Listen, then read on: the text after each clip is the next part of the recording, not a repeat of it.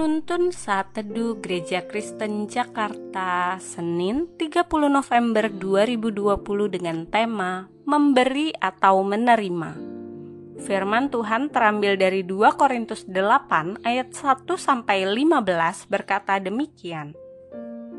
Saudara-saudara, kami hendak memberitahukan kepada kamu tentang kasih karunia yang dianugerahkan kepada jemaat-jemaat di Makedonia Selagi dicobai dengan berat dalam pelbagai penderitaan, sukacita mereka meluap dan meskipun mereka sangat miskin namun mereka kaya dalam kemurahan. Aku bersaksi bahwa mereka telah memberikan menurut kemampuan mereka, bahkan melampaui kemampuan mereka dengan kerelaan hati mereka meminta dan mendesak kepada kami supaya mereka juga beroleh kasih karunia untuk mengambil bagian dalam pelayanan kepada orang-orang kudus. Mereka memberikan lebih banyak daripada yang kami harapkan. Mereka memberikan diri mereka pertama-tama kepada Allah, kemudian oleh kehendak Allah juga kepada kami Sebab itu, kami mendesak kepada Titus supaya ia mengunjungi kamu dan menyelesaikan pelayanan kasih itu sebagaimana ia telah memulainya.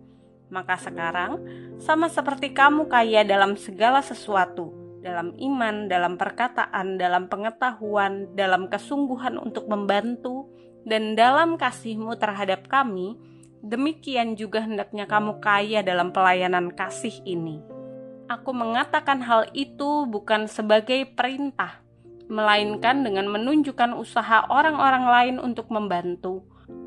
Aku mau menguji keikhlasan kasih kamu, karena kamu telah mengenal kasih karunia Tuhan kita Yesus Kristus, bahwa Ia yang oleh karena kamu menjadi miskin, sekalipun Ia kaya, supaya kamu menjadi kaya oleh karena kemiskinannya. Inilah pendapatku tentang hal itu yang mungkin berfaedah bagi kamu.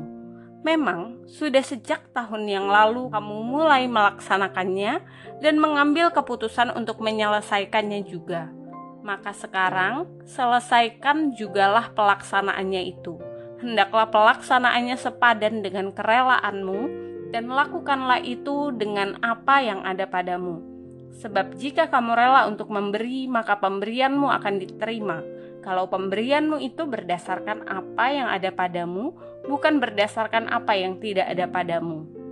Sebab kamu dibebani bukanlah supaya orang-orang lain mendapat keringanan, tetapi supaya ada keseimbangan. Maka, hendaklah sekarang ini kelebihan kamu mencukupkan kekurangan mereka, agar kelebihan mereka kemudian mencukupkan kekurangan kamu supaya ada keseimbangan. Seperti ada tertulis, orang yang mengumpulkan banyak tidak kelebihan, dan orang yang mengumpulkan sedikit tidak kekurangan. Jikalau ada sebuah pertanyaan memberi atau menerima, apakah jawaban kita?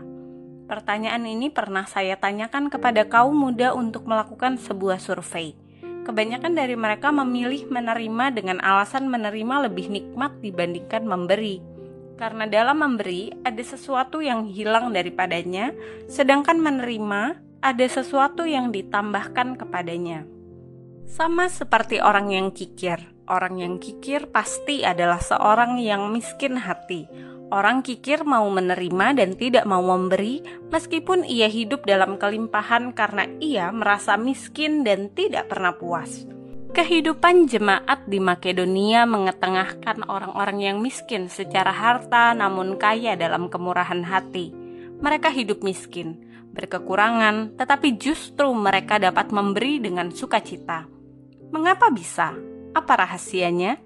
Dalam 2 Korintus 8 ayat 2, selagi dicobai dengan berat dalam pelbagai penderitaan, sukacita mereka meluap dan meskipun mereka sangat miskin, namun mereka kaya dalam kemurahan. Ada dua kalimat yang menggambarkan keadaan jemaat Makedonia. Mereka dicobai dengan pelbagai penderitaan, dan mereka sangat miskin. Penderitaan yang mereka alami adalah karena iman kepada Kristus. Meskipun demikian, jemaat Makedonia tetap dapat menjadi berkat. Mereka menjadi berkat dalam dua hal yaitu mereka menjadi teladan bagi jemaat lain dalam hal memberi, Mereka memberi menurut kemampuan, bahkan melampaui kemampuan mereka. Kemudian, mereka juga memberi lebih banyak daripada yang diharapkan. Selain itu, mereka menjadi berkat dengan mengambil bagian dalam melayani orang-orang kudus. Bahkan, mereka sampai mendesak untuk bisa melayani. Apa yang bisa kita renungkan dari kekayaan hati jemaat Makedonia di tengah segala keterbatasan mereka? Pertama, mengenal dan mencintai Tuhan dengan sungguh-sungguh. Kemurahan hati jemaat Makedonia merupakan buah dari pengenalan dan kecintaan mereka kepada Tuhan. Demikian halnya dengan kita pada saat ini. Pengenalan dan kecintaan kita kepada Tuhan akan menghasilkan buah pengenalan dan kecintaan kita kepada Tuhan akan menghasilkan buah kemurahan hati untuk dibagikan kepada sesama. Kedua, taat pada kehendak Tuhan.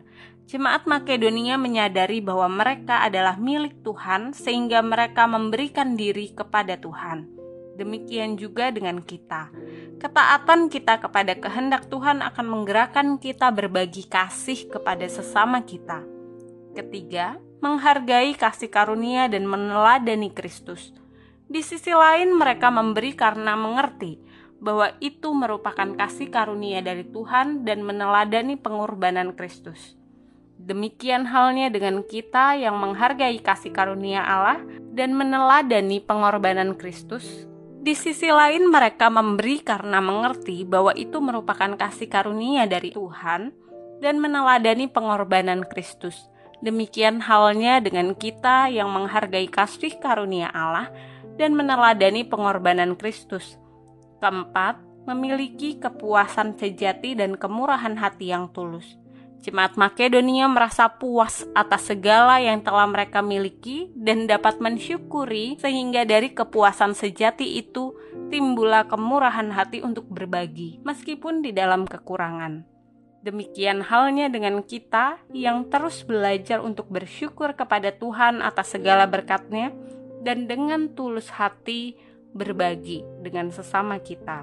Melalui perenungan pada hari ini kita bersama-sama belajar, milikilah hati yang selalu mencintai Tuhan sehingga Anda dapat meneladaninya dan merasakan kepuasan sejati, sehingga Anda kaya dalam kemurahan hati.